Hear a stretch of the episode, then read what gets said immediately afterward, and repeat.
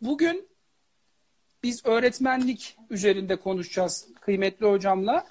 Ama ona geçmeden önce uygun görürseniz sevgili hocam şu anda bizi takip eden meslektaşlarımıza ve eski öğrencilerinize bir selam vermek adına onlarla bir geçmişe yolculuğa çıkalım. ve siz az önce e, ayrıldığınızda pek çok meslektaşımızın tarihleri yazdığını gördüm ben. 1997 yılı diyenler, 1989 yılı diyenler. Eğer uygun görürseniz yorumları açıp başlığımızın ne anlama geldiğiyle ilgili değerli meslektaşlarımdan bir tahmin almak isterim. Çünkü o başlığın özellikle siz e, başlığın bir hikayesi olduğunu söylediğiniz için tahminler üzerine sohbet edelim.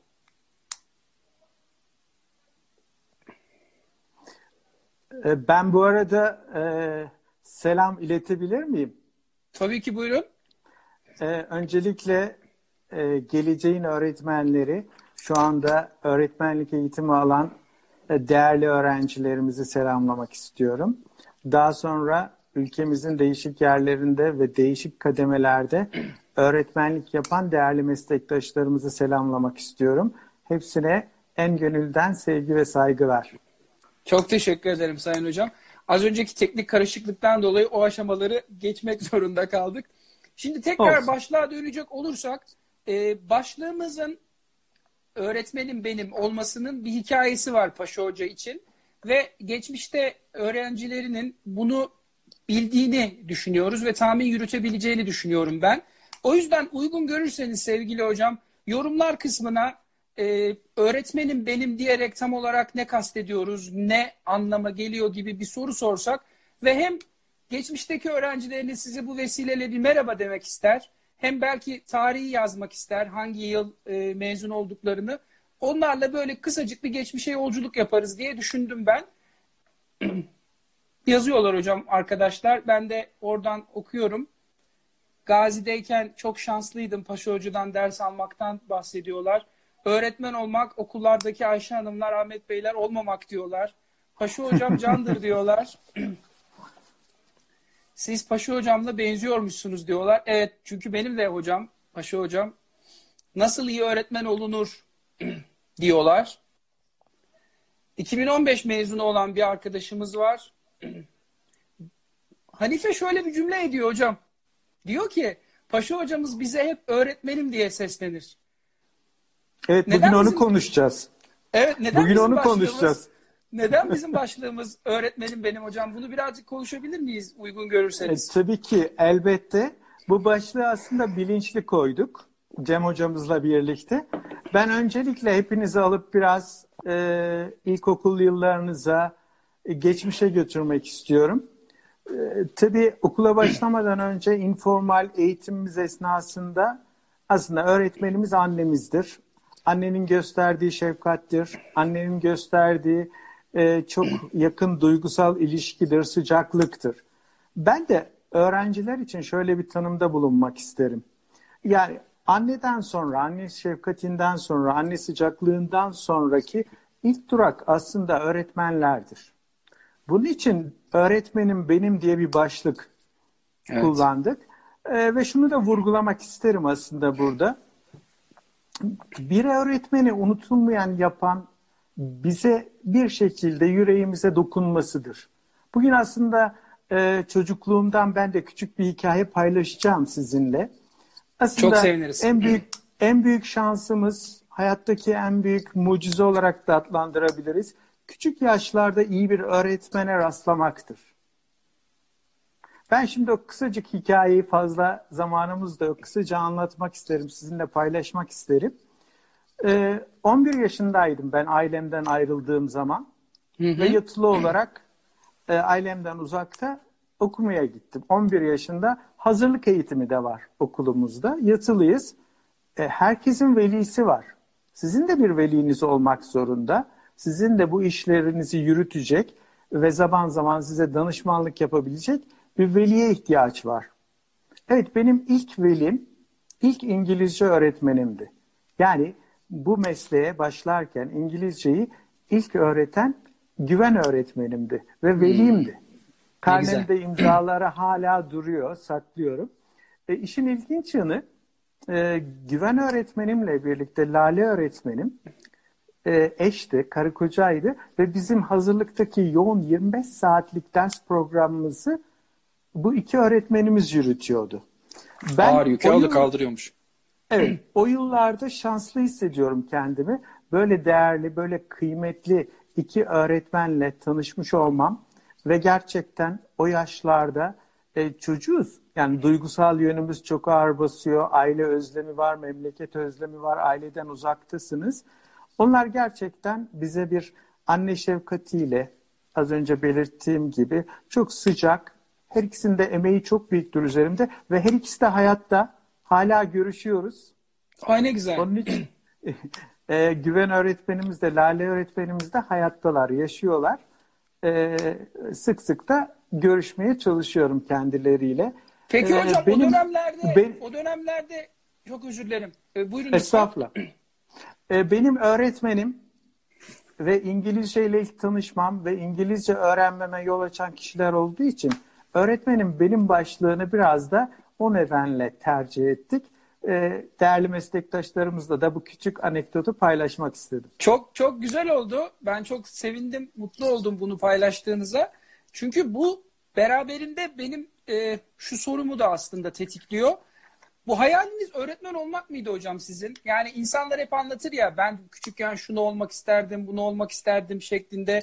E, bu öğretmenleriniz az önce çizdiğiniz öğretmenlerinizden etkilendiğiniz için mi öğretmenliğe mail ettiniz? E, böyle bir hayal var mıydı o yaşlarda? Aslında bu soruyu genelleyelim değerli hocam. Hepimizin hayatında mutlaka bize dokunmuş, yani yüreğimize e, yüreğimize dokunmuş ve bizde iz bırakmış çok değerli, çok kıymetli hocalarımız vardır. Aslında bu kişiler bizim meslek seçmemize de, mesleğe yönelmemize de aracı olan kişilerdir. Yani lütfen geriye dönük ortaokul lise yıllarınızı hatırlayın. Hepinizin sizde iz bırakan bir İngilizce öğretmeni vardır. Ve bu İngilizce öğretmenleridir ki bizleri üniversite hayatımızda bu mesleğe yönlendirmişlerdir ve bu mesleği severek yapmamızı sağlamışlardır. Ee, küçük yaşlarda tabii ki etkileniyorsunuz. Hayatınıza dokunan insanların tesiri altında kalıyorsunuz. Ama şimdi şunu da ifade etmek. Bizim mesleğimiz çok farklı bir meslek. Onun için aynı etkiyi üniversite yıllarındaki öğrencilerimizde de bırakabiliyoruz. Yani öğrencilerle kurmuş olduğunuz o duygusal bağ mesleği sevmelerine yol açıyor. Eğer mesleği seven bir öğretmen iyi de bir eğitim altyapısıyla mezun olabiliyorsa bizden sonraki nesillere ya da kendisinden sonraki kendi yetiştirdiği öğrencileri İngilizce öğretmeni olarak yönlendiriyor. Benim de mesleği seçmemde bu az önce bahsettiğim iki öğretmenimin çok önemli yeri vardır. Ama şunu söylemeden geçemeyeceğim. Bu mesleğe devam etmemde de çok kıymetli, çok değerli e, Vahit hocamızın da evet, katkısı evet. oldukça fazladır. Yani Vahit hocam da az önce bahsettiğim iki öğretmenimi çok iyi tanır. Aslında çok ilginç öğrencilerle bazen paylaşırım ama söyleyeyim bilmeyenler için. E, Vahit hocamız benim ta ortaokul lise yıllarından öğretmenimdir. Ve üniversitede de öğretmenim oldu ve üniversite ortamında da 25-30 e, sene birlikte çalışma şansına ulaştım. Onun için ben modeller açısından, rol modellerim açısından kendimi çok şanslı hissediyorum.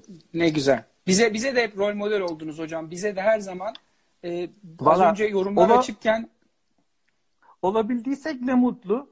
Aslında her öğretmenin sınıfa girdiği an duruşuyla, davranışıyla e, rol model olması gerekiyor.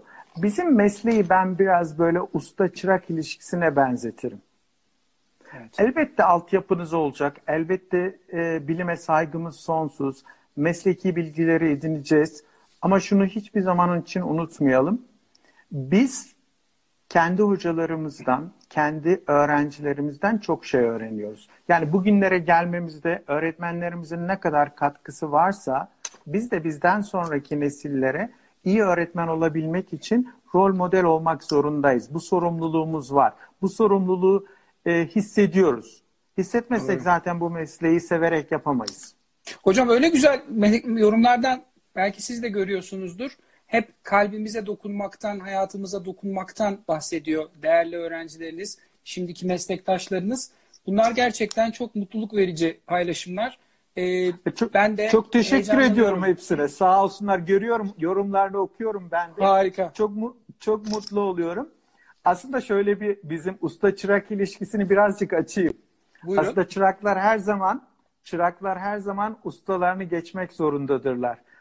Ee, biliyorum ki ben sevgili meslektaşlarımız, öğrencilerimiz, eski öğrencilerimiz şu anda bizden daha iyi bu mesleği e, gerçekten hakkıyla yapıyorlar. Ben onun için de onlara çok teşekkür ediyorum. Emeklerine Harika. sağlık. Hocam şimdi şöyle yapalım. Ben bu sorunun cevabını biliyorum ama eminim şu anda sizi izleyen öğrencileriniz de bunun e, bunu duymak isteyecektir.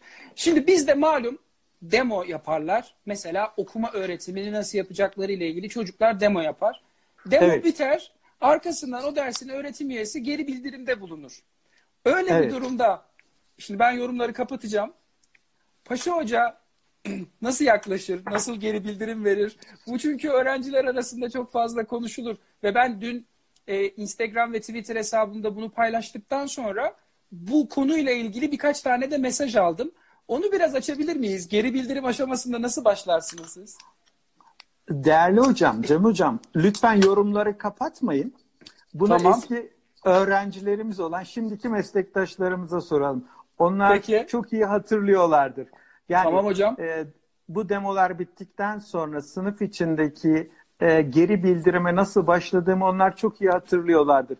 Benim ilk kelimem öğretmenimdir. Zaten evet. dikkat ederseniz 3. sınıfta hatta 2. sınıfın 2. döneminden itibaren mesleki derslerimiz başladığı andan itibaren bütün öğrencilerime ben öğretmenim diye hitap ederim. Bakın geliyor çok güzel ben hatırlıyorum. Evet. Ne güzel şeyler yazıyor arkadaşlar. Sağ olsunlar. Bakın evet eski öğrencilerimiz şimdiki meslektaşlarımız çok iyi anlıyor. Aslında bizim geri bildirimlerimiz çok yararlıdır. Yani vermiş olduğumuz bu dönütün e, geri bildirimin çok fayda sağladığının farkındayım. Öğrencilerimizi mesleki anlamda gerçekten çok iyi bakın inciler diyorlar. Çok güzel şeyler hatırlıyorlar ne güzel. E, çok katkı sağladığını biliyorum. E, biz hepimiz e, Cem hocamız da öyledir. Diğer meslektaşlarımız da öyle. Bölümde öğrencilerimize dönüt verirken elbette olumlu şeyleri söyleyerek başlarız. Bat cümlemizi en sona bırakırız. Yani biz öğrencimizi motive etmek zorundayız. Bir sonraki yapacağı sunuma iyi hazırlanabilmesi için, iyi motive olması için elbette öncelikle olumlu sıfatları kullanmak zorundayız ki e, çoğunu hatırlattılar arkadaşlar ifadelerin. Teşekkür ediyorum ben hepsine. E, elbette ben şunu sorarak başlarım.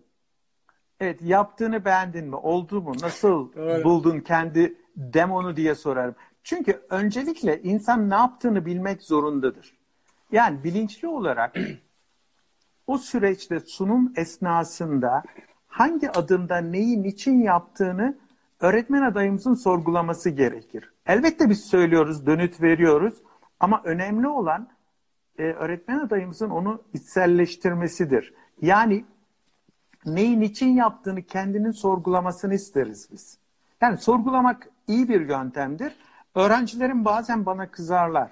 Hocam bir soru soruyoruz, soruyla karşılık veriyorsunuz. Evet bu, bu konuda çok şikayetçidirler. Ama şunu unutmasınlar, şu anda meslek hayatında e, bir takım değişik teknikler kullanıyorlar. Birazcık şeye gidelim istersen. E, milattan önce 400'lere gidelim. Olur hocam. A, azıcık da şeyden bahsedelim. Sokrat'tan bahsedelim. E, Sokratik, evet, e, Sokratik yöntem denen bir yöntem var biliyorsunuz. Bilgiyi sınayarak yani öğretme yöntemi. Öğrencilere soru üzerine soru sorarak öğretme yöntemi olarak özetlenir bu Sokratik yöntem. Aslında çok faydalıdır. Neden faydalıdır? Bir, öğrencilerimizin, öğretmen adaylarımızın eleştirel düşünme becerilerini geliştirir, muhakeme evet. becerilerini geliştirir. ve aklı mantığı daha iyi, daha akılcı kullanmayı gerektirir. Onun için çok gerilere gittim ama bugün yok, yok, kullan bugün kullandığımız doğruyu buldurma yöntemi yani birazcık İngilizce öğretmenlerimizin bildiği kalıplardan kullanalım. Yani inductive teaching dediğimiz, implicit hı hı. teaching dediğimiz, elicitation dediğimiz, işte self-discovery, guided discovery dediğimiz yani bütün bu olguların temelinde Sokrat'ın bu yöntemi yatar. Yani tümevarım kavramının yani doğruyu buldurma yönteminin temeli ta milattan önce 400'lerde yatıyor. Bunu da unutmayalım. Yani biz aslında meslek olarak şunu yapmaya çalışıyoruz. Öğretmek çok zor bir iş. Niye evet. zor bir iş? E çünkü aktarımla olmuyor bizim meslek İngilizce özellikle. Yani biz öğretmen olarak sınıfa girdiğimiz zaman eğitim ortamında illaki iyiyi, kötüyü, doğruyu, güzeli, yanlışı, çirkini belirtmek zorunda değiliz. Bizim görevimiz sezdirtme. Yani o az önce saydığımız şeyleri çocuğun kafasında yaratabilme. Aa bu böyle oluyormuş dedirtebilme. Aksi takdirde o zaman bilgiye aktarma oluyor. Bilgiyi aktardığınız zaman bu bilginin kalıcılığını her zaman kalıcılığını her zaman sorgulamak zorundayız. Yani e, gerilere gitmemin nedeni şuydu. Bugün kullandığımız işte buldurma yöntemi, soru cevap yöntemi, işte az önce bahsettiğimiz İngilizcelerini verdiğim kavramların hepsinde evet bu Sokratik yöntemin felsefesi yatmaktadır. Onun için buraya girdim değerli hocam. Belki konuyu biraz dağıtmış. Hayır hayır dağıtmış aksine bence çok zenginleştirdiniz. Yok yok çok zenginleştirdiniz. Çünkü e, bu Sokratik düşünceleri e, çocuğu soru sorarak bulduran öğretmen öğretmen olmuş mudur? Öğretmenlik yapan kişi midir? Öğretmen olmakla öğretmenlik yapmak sizce aynı şey midir hocam? Hayır, kesinlikle değildir. Şimdi Sokrat'ın bir sözüyle başlayayım ve sorunuzu öyle yanıtlayayım. Tamam. Sokrat şöyle bir cümle kullanıyor. Dünyada diyor her şeye değer biçmek mümkündür diyor. Fakat diyor öğretmenin eserine diyor asla diyor değer biçemezsiniz diyor. Hmm. Yani onun için mış gibi yapmak yani şimdi öğretmen olmak mı, öğretmenlik yapmak mı? Mış gibi yapıyorsanız mesleğinizin gereklerini yerine getirmekten kaçıyorsunuzdur. Mesleğinizi gerçek anlamda sergilemiyorsunuzdur. Evet ben birinci söylemiş olduğunuz öğretmen olmak kavramındayım. Ne demek öğretmen olmak? E, hepimizin öğretmenlik gereği mesleki bir duruşu vardır. Bunun da gereklilikleri vardır. Sınıf içinde ve sınıf dışında sadece sınıf içinden bahsetmiyorum. Gerek sınıf içinde gerek sınıf dışında e, bu dikkat etmemiz gereken az önce rol model olmaktan bahsettik. Sadece iş onunla da bitmiyor. Sorumluluğumuz çok fazla.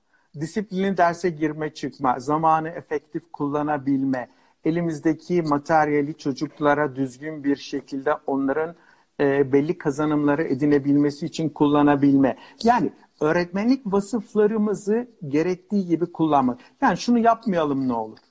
Ya derste işte 45 dakikam 50 dakikam var. Hmm. Ben bunun 15-20 dakikasını e, işte 5 dakika geç gireyim. İlk 5 dakikada yoklama alayım. E son 5 dakikasını zaten öyle git.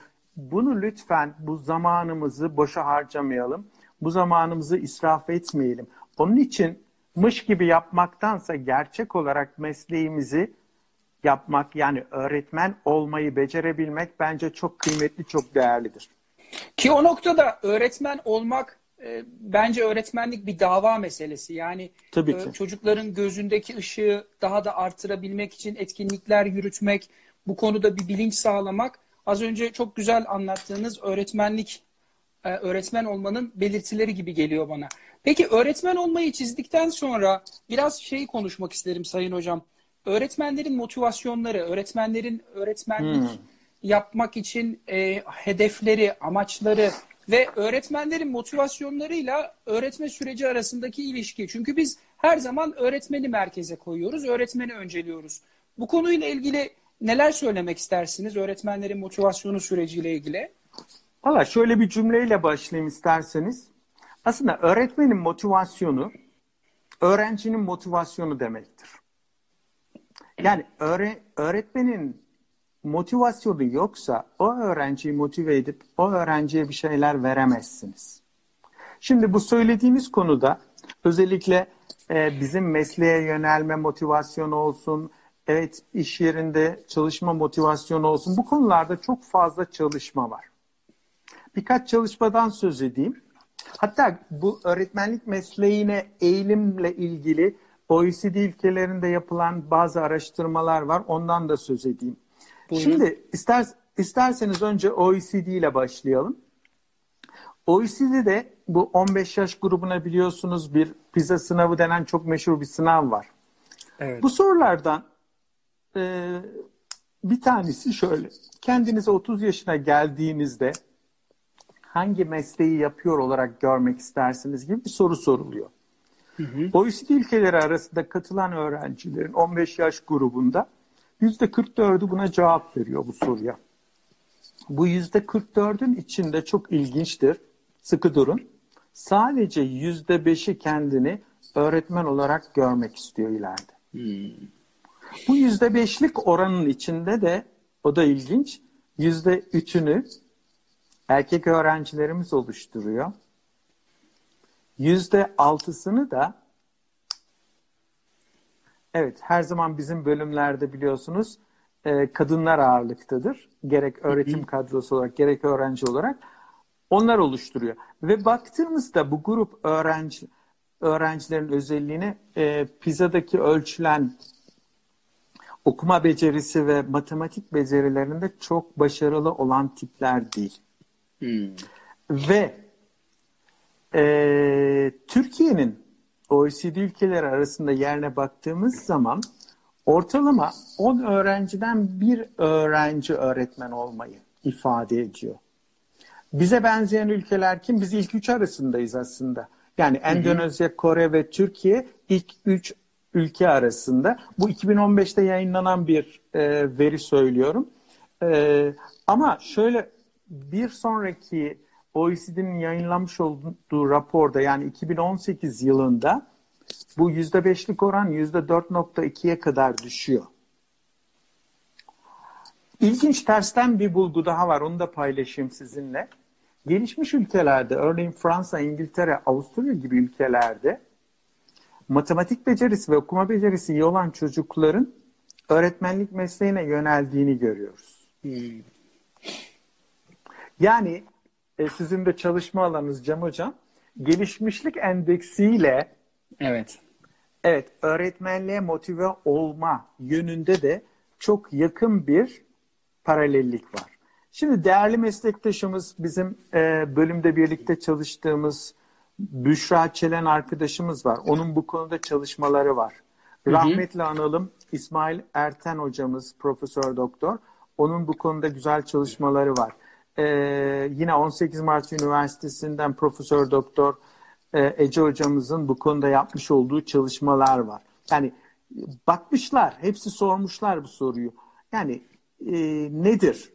Ve e, ilgisini çekebilir arkadaşlarım belki. Şöyle bir e, ölçek var. E, bu hocalarımız kullanmış, Büşra hocamız da kullanmış. FIT diye, Factors Influencing Teacher Choice gibi bir ölçek var. Burada en çok ön plana çıkan çalışmalarda benim gördüğüm ön plana çıkan birkaç tane önemli faktör var.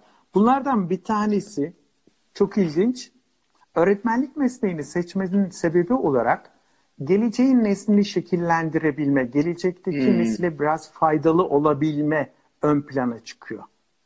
Çok anlamlı. İkinci, ikinci olarak e, mesleğin uzmanlık gerektirdiği için bu konuda uzmanlaşıp yani sadece İngilizce bilmeyeyim ama mesleki olarak da bir şeyler söyleyeyim şeklinde motive olan bir grubumuz var. Yine diğeri de birle ilintili olarak topluma katkı verebilme hmm. anlamında tercih edildiğini belirten çalışmalar var.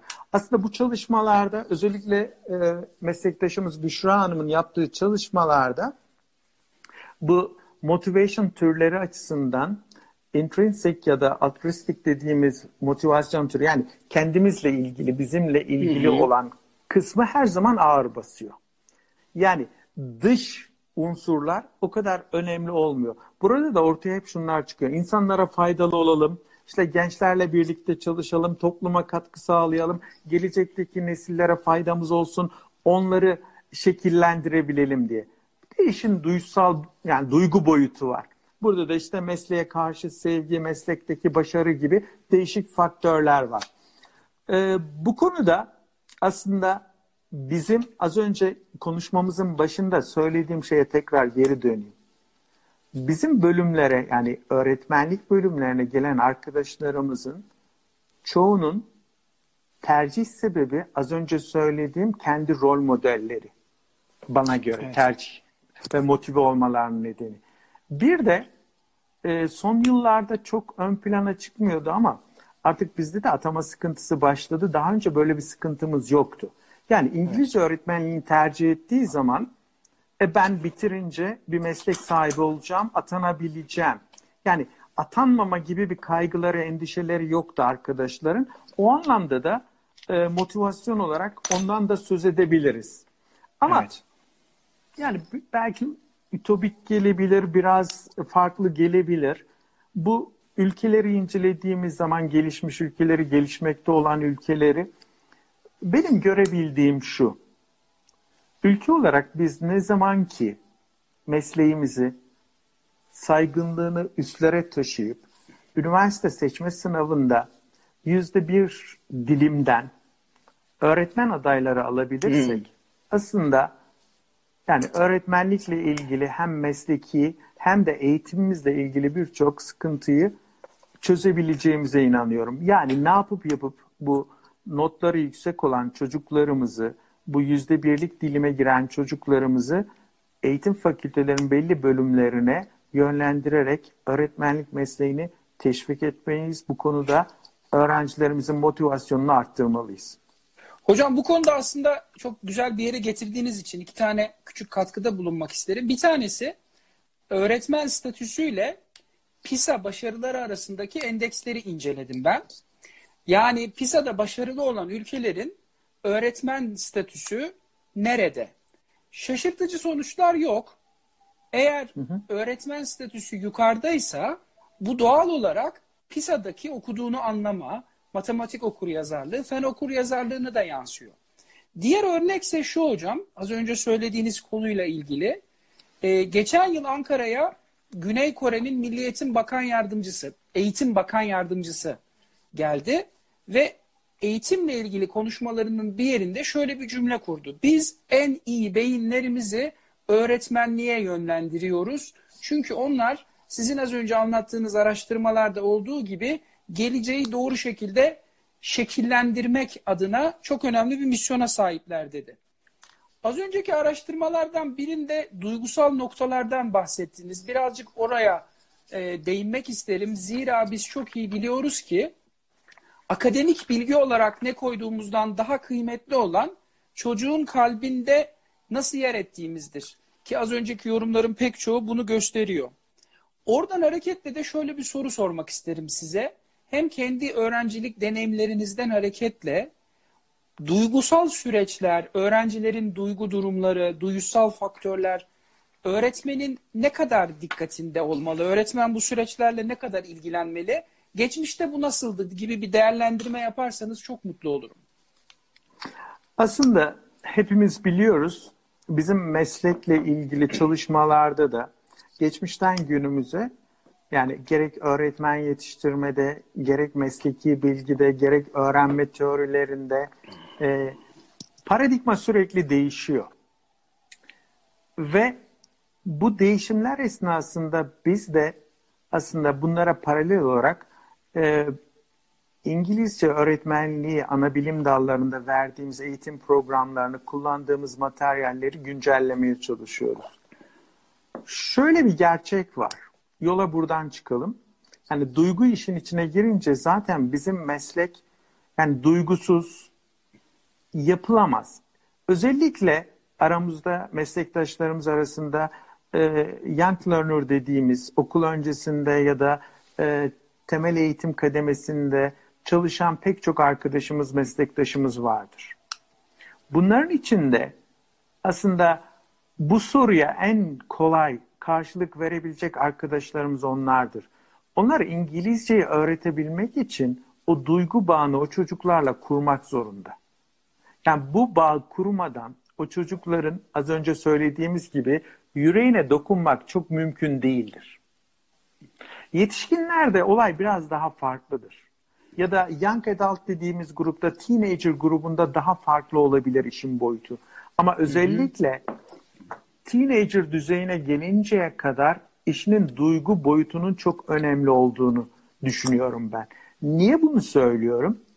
E şimdi yaklaşımlara baktığımız zaman bu duygusal boyut bizim literatürümüzde işte 80'lerin başında ya da 70'lerin sonunda e, başladı. Biz daha öncesinde yani 60'larda 70'lerde işin bu boyutunu teorik anlamda çok fazla konuşmuyorduk. Ama şunu unutmayalım ki bu boyut olmadan özellikle küçük yaş gruplarında ya da teenager dediğimiz grupta bu işi sağlıklı bir şekilde yapabilmemiz çok olası değil. Onun için ben öncelikle şunu da söylemek isterim. Elbette bizim tecrübeyle bu işleri gerçekleştiren, yapan değerli meslektaşlarımız var.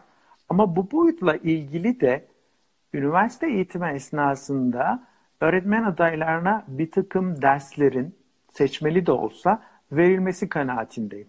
Yani mesleki anlamda desteklenmesini düşünüyorum. Evet bizim İngilizce eğitimimiz Türkiye'de öğretmen yetiştirme anlamında baktığımız zaman kötü mü? Hayır değil. Ama burada tabii faktör olarak şunu gözden kaçırmayalım. Eğer iyi bir fakültedeyseniz, iyi bir öğretim elemanı grubu varsa e çocuklar mutlu mezun olup mutlu ayrılıyorlar ve mesleklerinde gerçekten çok iyi bir şekilde gittikleri okullarda yapabiliyorlar. Onun için duygusal boyut dediğimiz zaman yaş faktörü ortaya Doğru. çıkıyor. Yaş gruplarına göre de öğretmenlerimizi bölemeyeceğimize göre şu anda öyle bir şansımız yok. Yani e, bizim öğretmen yetiştirme sistemimizde işte temel eğitimi ayrı, orta öğretime ayrı, yüksek öğretime ayrı bir öğretmen yetiştirme modelimiz yok. Belki ileride e, bunları da tartışır konuma gelebiliriz diye düşünüyorum. Peki e, şimdi zamanı da bir yandan kontrol ediyorum. Yaklaşık 20 dakikamız kaldı. Bir de istiyorum ki e, son bölümlerde e, eski meslek, eski öğrencilerinizin, meslektaşlarımızın soruları da olabilir. E, pek çok öğretmenimizin ve öğretmen adayımızın da takip ettiğinden hareketle öğretmenlerin kendilerini geliştirmesi için e, uzun yıllardır öğretmen yetiştiren, uzun yıllardır sınıfta olan biri olarak ne tür önerilerde bulunursunuz hocam? Neler söylemek istersiniz? Şimdi onu da ikiye ayıralım istersen Cem hocam. Ee, biz işte biliyorsun pre-service diyoruz. Sonra in-service diyoruz. Artık bu terminoloji de yavaş yavaş değişmeye başladı. Aslında e, bölümlerde yani ana bilim dallarında öğretmen yetiştiren, İngilizce öğretmeni yetiştiren ana bilim dalında okuyan geleceğin meslektaşlarına birkaç şey söyleyelim. Daha sonra da şu an öğretmenlik yapan meslektaşlarımıza birkaç cümle söyleyelim. Ben özellikle e, ikinci sınıftan itibaren yani mesleki derslerin ağırlaşmasıyla birlikte öğretmen adaylarının kendilerini geliştirebil özellikle de büyük bir şehirde okuyorlarsa geliştirebilecekleri çok fazla fırsatlar olduğunu düşünüyorum. Öğrenci hep şöyle geliyor dikkat ediyorsanız bize. Hocam İngilizcemi nasıl geliştirebilirim? Hı hı. Evet. Ama sadece İngilizce geliştirmekle olmuyor. Yani işin bir de mesleki gelişim boyutu var.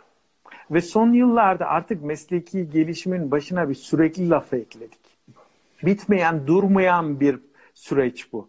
Onun için özellikle öğrencilik yıllarının kıymetini bilerek ve okudukları üniversitenin şartlarını ve e, büyük şehirlerde olan konferansları, yapılan e, değişik etkinlikleri kaçırmamalarını öneriyoruz. Yani sadece ana bilim dalı binası içine kapanıp sadece hocalarından aldığı dersle öğretmen olmayı lütfen hayal etmesinler. Yani Ankara'dan örnek vereyim. Ankara'da yaşıyoruz biz. Normal pandemi sürecini bir kenara koyuyorum. Normal bir süreçte her üniversitenin yaptığı etkinlikler var. Değişik birimlerin yaptığı etkinlikler var. Bunlara katılmalarını özellikle tavsiye ediyorum. Yani her Tiyatro, sinema gibi. Tabii yani sosyal yönü geliştirmekten öte mesleki yönümüzü de geliştirebiliriz. Bunları göz ardı etmeyelim. Ha şu anda mesleği yapan değerli meslektaşlarımız ya bizim şartlarımız çok elverişli değil biz ne yapabiliriz? Bakın şu andaki bu konuşma bile bence mesleki bir gelişimdir. Onun için dijital bir çağa girdik artık. Ellerinin altında her türlü imkan var. Nereye bassalar yani YouTube'a da girse yani bütün sosyal medya tool'larının hangisine erişim sağlarlarsa sağlasınlar İngilizce öğretmenliğiyle ilgili kendi mesleki gelişimlerle ilgili mutlaka kaynak bulabilirler ve bu kaynaklardan oldukça fazlasıyla yararlanabilirler. Ben şunu hiçbir zaman için unutmuyorum. İyi bir öğretmen hayatı boyunca öğrenciliğe devam etmek zorundadır. Yani ben oldum dememelidir. Bizim meslekte değerli meslektaşlarım hiç alınmasın, kusura bakmasın. İşin sonu yok. Ne zaman biter biliyor musunuz? Ee, öğrenciliğiniz, dilekçe yazıp emekliliğinizi istediğiniz gün, evet o gün öğrenciliğiniz biter değerli arkadaşlar. Onun için öğretmenlikte öğrencilik bitmez, öğrenme süreci bitmez, öğrenmeye devam etmek zorundayız. Bunun sonu yok. Bizim meslek bir hocam, böyle bir meslek. Evet, çok teşekkür ederim. E, yorumlar esnasında velilerden de e, bahseden bir grup da vardı. Meslektaşlarımız hı hı. ondan da söz ediyor. Şimdi biz içinde bulunduğumuz çağda velileri doğru bir şekilde bilinçlendirmenin öneminden her zaman söz ederiz. E, yine küçük bir karşılaştırmayla e, mesela sizin mesleğe inip ilk başladığınız yıllarda veliler bu kadar bu sürece dahil miydi? Yabancı dil eğitimi, özellikle kolejler bağlamında bir değerlendirme yapılabilir belki. Bir de bizim öğrencilerimizin şu anda öğretmenlik okuyan öğrencilerimizin velileri yönlendirmesi konusunda neler e, paylaşabilirsiniz, neler söyleyebilirsiniz? Değerli hocam, şimdi siz de işin içindesiniz, biliyorsunuz.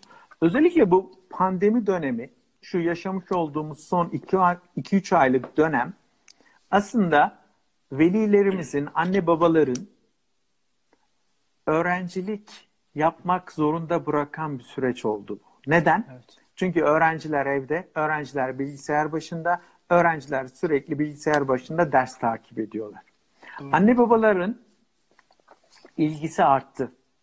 Ama geçmişle kıyasladığınız zaman geçmişte yabancı dile velinin bu kadar ilgisi var mıydı? Vardı. Yani mesela çocuğunu özel bir okula göndermek isteyen ya da e, işte eski Anadolu liselerinin ya da marif kolejlerinin ya da büyük şehirlerdeki böyle iyi okullara gidebilmesi için her türlü seferberliğe giriyordu veli. Ama sürece çok dahil olamıyordu. Çünkü hmm. Şu anki bilgiye ulaşım, teknoloji kullanımı e, yoktu o dönemde. Ama şu dönemde siz isteseniz de istemeseniz de bütün veliler özel okula çocuğunu gönderirken ilk tercih sebepleri iyi İngilizce öğrensin. Hayatını bu yolla idame ettirebilir. İngilizceyi iyi öğreten bir okul arıyorum diyor veli. Bu açıdan baktığımız zaman artık günümüzdeki veliler özellikle genç ve bilinçli veliler sürecin ta içinde, ortasında. Yani biz de öğretmenler olarak özellikle bu kurumlarda çalışan arkadaşlara birkaç şey söyleyeyim. Aslında veli çok önemli bir paydaşımız. Yani veliyle kurulacak olan ilişki sınıf içinde ve sınıf dışındaki pek çok sorunumuzu çözebilir.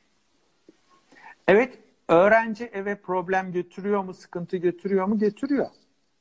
Şikayet götürüyor mu? Götürüyor. Eğer veliyle sağlıklı bir iletişim kurabiliyorsak öğretmen olarak bunların büyük bir kısmını çözebiliyoruz. Ve artık özel, e, özel okullarda çalışan arkadaşlar biliyorlar ve bilgisayar başındalar onlar da sürekli materyal üretiyorlar, sürekli video yüklüyorlar. Artık veliyle iletişim kurmak da kolaylaştı. Çocuğun bu dijital araçlarla dünyasına girmek de kolaylaştı. Ama biz akademisyenler olarak bir eksik yönümüz var. Onu da itiraf edelim şimdi hep birlikte. Biz bugüne kadar öğretmen veli ilişkisi konusunda da kendi alanımızla ilgili söylüyorum. Çok fazla bilimsel çalışma yapmadık. Yani bu da bizim evet. eksikliğimiz. Yani velilerin olaya nasıl baktığını, öğretmenle veli ilişkilerinin nasıl olduğu konusunda da e, akademik anlamda, çalışma anlamında eksiklik olduğunu düşünüyorum. Yani yapılacak çalışmalar hem bize katkı sağlayacak, hem meslektaşlarımıza katkı sağlayacak, hem de anne babalara, e, velilere katkı sağlayacaktır. Çünkü veli de yatırım yapıyor çocuğuna. Tabii. Yani kitaplarımız pahalı, eğitim sürecimiz pahalı. Bu kadar emek var, bu kadar e, maddi anlamda e, veliler çocuklarına yatırım yapıyor. Bunun karşılığında İngilizce öğretiminde de başarı bekliyor. En doğal hakkıdır velinin bu. Bu anlamda e, biz akademisyenlerin daha fazla çalışması çalışma yapması gerekiyor. Çalışan öğretmenlerimize e, bu bulduğumuz verilerle, bulgularla biz de katkı sağlamak zorundayız diye. Yani bu sorumluluk da bize düşüyor. Onun için bilmiyorum özelde çalışan arkadaşımız var mı bizi dinleyenler arasında? E, velilerle olan sorunları onlar birebir yaşıyorlar. Tabii. Yönlendirme yani, esas. Bu, tabii. Yani e, kendi yaşadıkları deneyimleri, tecrübeleri de paylaşabilirler ama işin özünde veliyle kurulacak olan bağ çok önemli çocuğun başarısı için. Veli memnuniyeti için. Çünkü veli bizim bir paydaşımız, ayrılmaz bir parçamız. Onun için onların şikayetlerine e, kulak kabartmak zorundayız.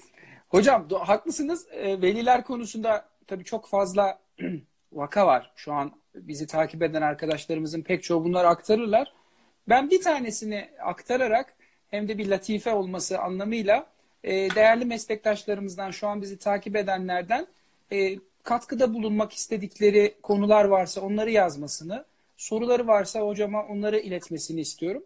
Hocam benim kulaklarım şöyle bir cümle duydu ve ben bunu duymasaydım, biri bana aktarsaydı hadi canım şaka yapıyorsun sen derdim.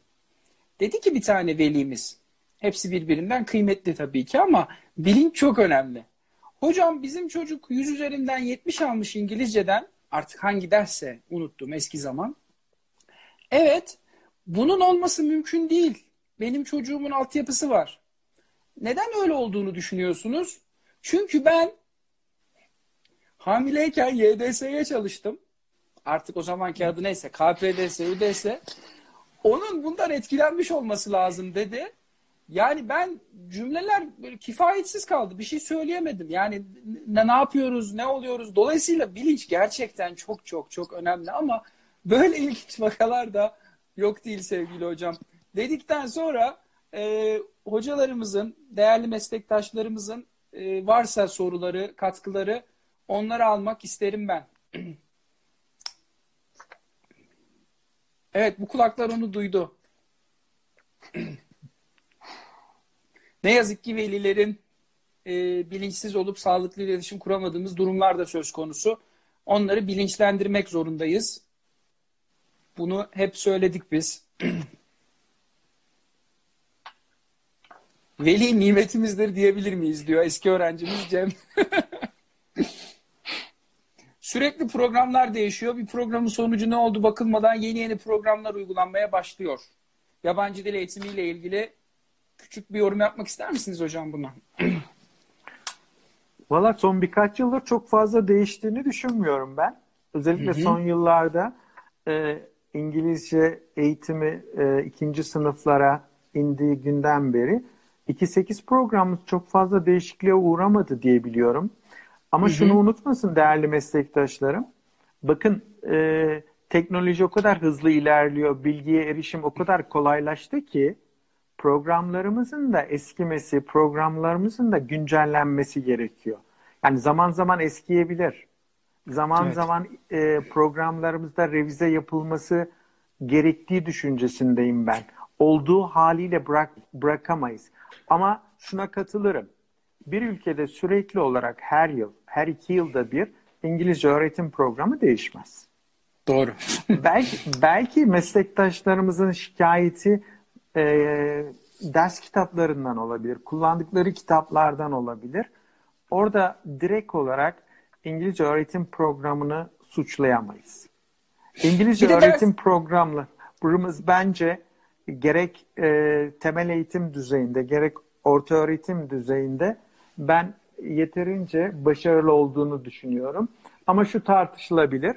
Buna dayalı olarak ürettiğimiz materyalin kalitesini tartışabiliriz. Zaten ders uygulayacak saatleri... o... Ders Pardon. saatlerinde de sıkıntımız var. Yani şimdi hep kıyaslama yaparlar ya, veliler de yapar bunu. İşte devlet, özel okul, İngilizce işte devletten... Arkadaşlar, değerli meslektaşlarım, elbette e, bizler devlet okulunda okuduk. Cem hocamız da devlet okulunda okudu. Evet. Bizler devlet okulunda öğrendik İngilizceyi. Devlette çalışan çok kıymetli meslektaşlarım var. Çok büyük işler başarıyorlar. Ama takdir ederler ki İngilizce saatleri temel eğitim düzeyinde yeterli değil. Doğru. Ha, özel okulun bizden farkı ne? Devletten farkı ne? E, devletteki bir saatte yaptığımız, iki saatte yapmaya çalıştığımız şeyi hafta boyunca 6-7 saatte yapıyor. Evet ben de ders saatlerinin yeterli olmadığı düşüncesindeyim. Ama şundan da eminim. Meslektaşlarımız çok büyük iş başarıyorlar. Bu sınırlı ders saatleriyle, kısıtlı ders saatleriyle çok şeyler öğretebildiklerini, çok iyi öğrenciler yetiştirdiklerini İngilizce alanında biliyorum. Onun için emeklerini karşılığı olarak çocukların ağzından herhalde bir gün 2-3 cümle İngilizce duydukları zaman da çok mutlu oluyorlardır diye düşünüyorum. Hocam Onun için İngilizce... vazgeçmek yok. Vazgeçmek yok. Devam. Kesinlikle. Bizim en önemli motive kaynağımız. Az önce İngilizce Yeterlik Endeksinden bahsettiniz. Ee, hı hı. Ben o İngilizce Yeterlik Endeksi üzerine siz de çok yakından biliyorsunuz ki pek çok çalışma yapıyorum.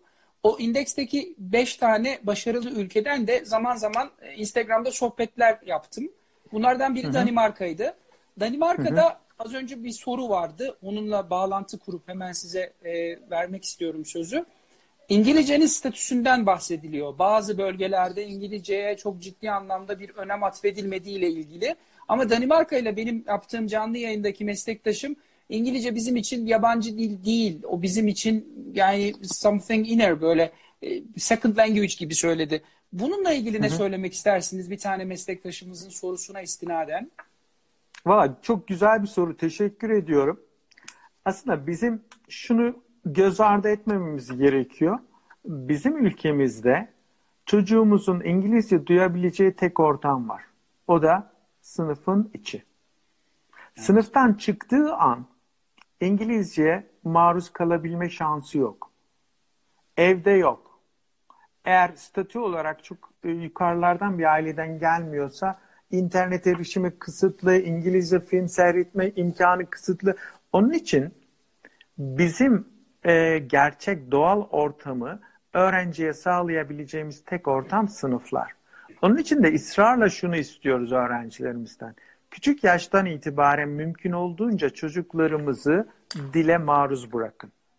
Çünkü sınıf onların İngilizceyi öğrenebilecekleri tek ortam. Çünkü otobüs durağında ya da seyahat esnasında ya da marketteki alışveriş esnasında İngilizce duyma şansı yok çocuğumuzun. İngilizceyi kullanma şansı da yok.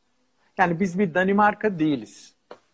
Biz tamamen İngilizceyi yabancı dil olarak öğretiyoruz, öğretmeye çalışıyoruz.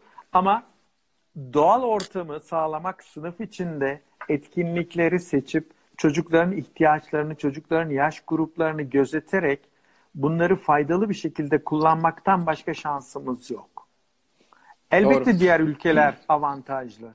Yani bugün Belçika'da, Hollanda'da, ne bileyim işte Danimarka'da yani artık İngilizce günlük dilleri ve şunun etkisini lütfen göz ardı etmeyelim. Artık lingua franca diyoruz İngilizce. İngilizce her yerde. Bizim Doğru. çocuklarımızın da maruz kalabilme şansının çok kısıtlı olduğunu.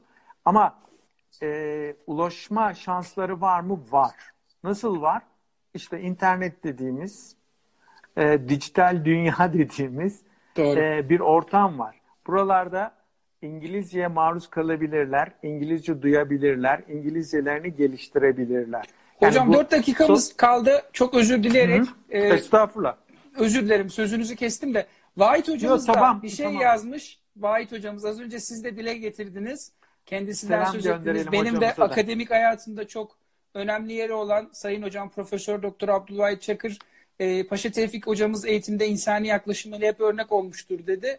Hocamızdan da bu vesileyle bahsetmiş olmayı arzuladığım için e, mesajını okumak istedim. Netflix dizileri sağ olsun diyor. Siz web teknolojilerinden ve dile maruz kalmaktan bahsettiniz. Aslında çok fazla soru var ama ne yazık ki bunların hepsine e, değinemiyoruz. Ama mümkün olduğu kadar bunlarla ilgili sohbetler yapmaya çalışıyoruz.